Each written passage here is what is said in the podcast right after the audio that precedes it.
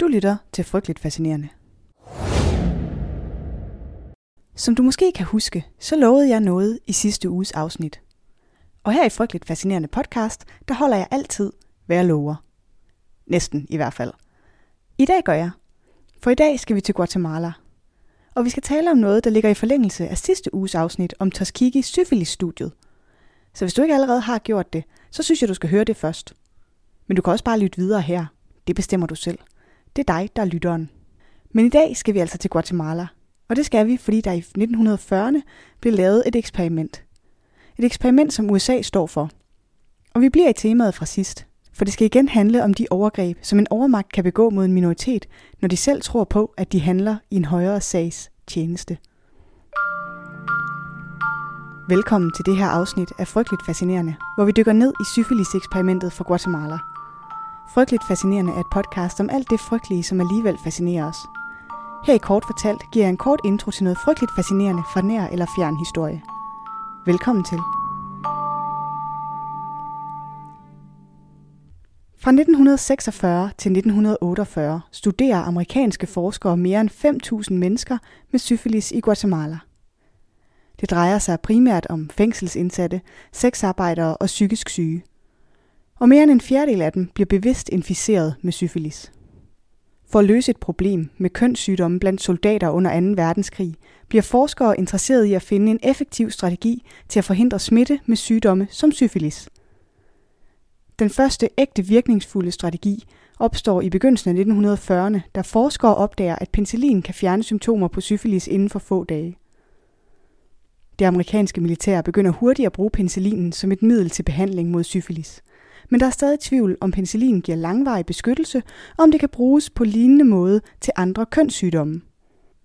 Samtidig er der stadig en begrænset adgang til penicillin, og forskere er interesserede i at finde ud af, om andre midler kan bruges i stedet. Så hvad gør den gode forsker så?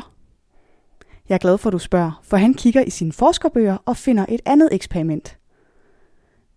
Terra Hort fængselseksperimentet. Et eksperiment, som blev lavet på fanger i Terre Haute i Indiana i 1943 og 44. Og der har de faktisk husket noget meget centralt. Samtykke. Yes, mand. Men den del vælger de altså ikke at tage med videre til Guatemala-studiet.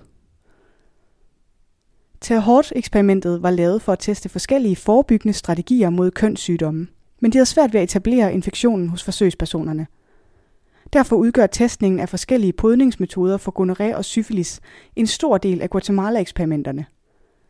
Blandt de mest kontroversielle metoder i studiet var normal eksponering, hvor sexarbejdere, der var inficeret med syfilis, blev brugt til at overføre sygdommen til intetanende fanger uden deres samtykke.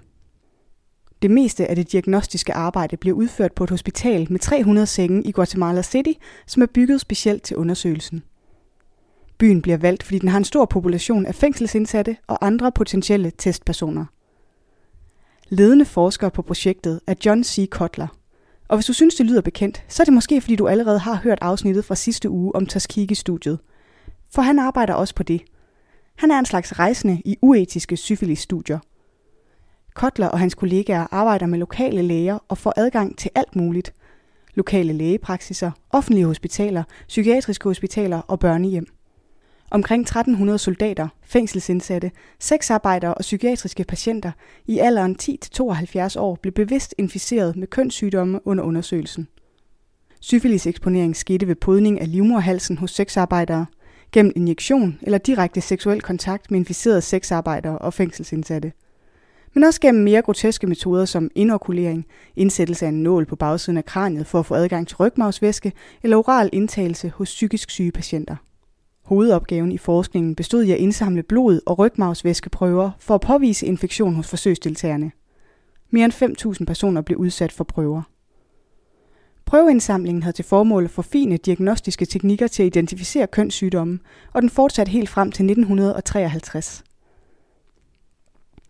For at skabe goodwill omkring sin undersøgelse og forhåbentlig opretholde sin tilladelse fra den guatemalske regering, starter Kotler et behandlingsprogram for kønssygdomme.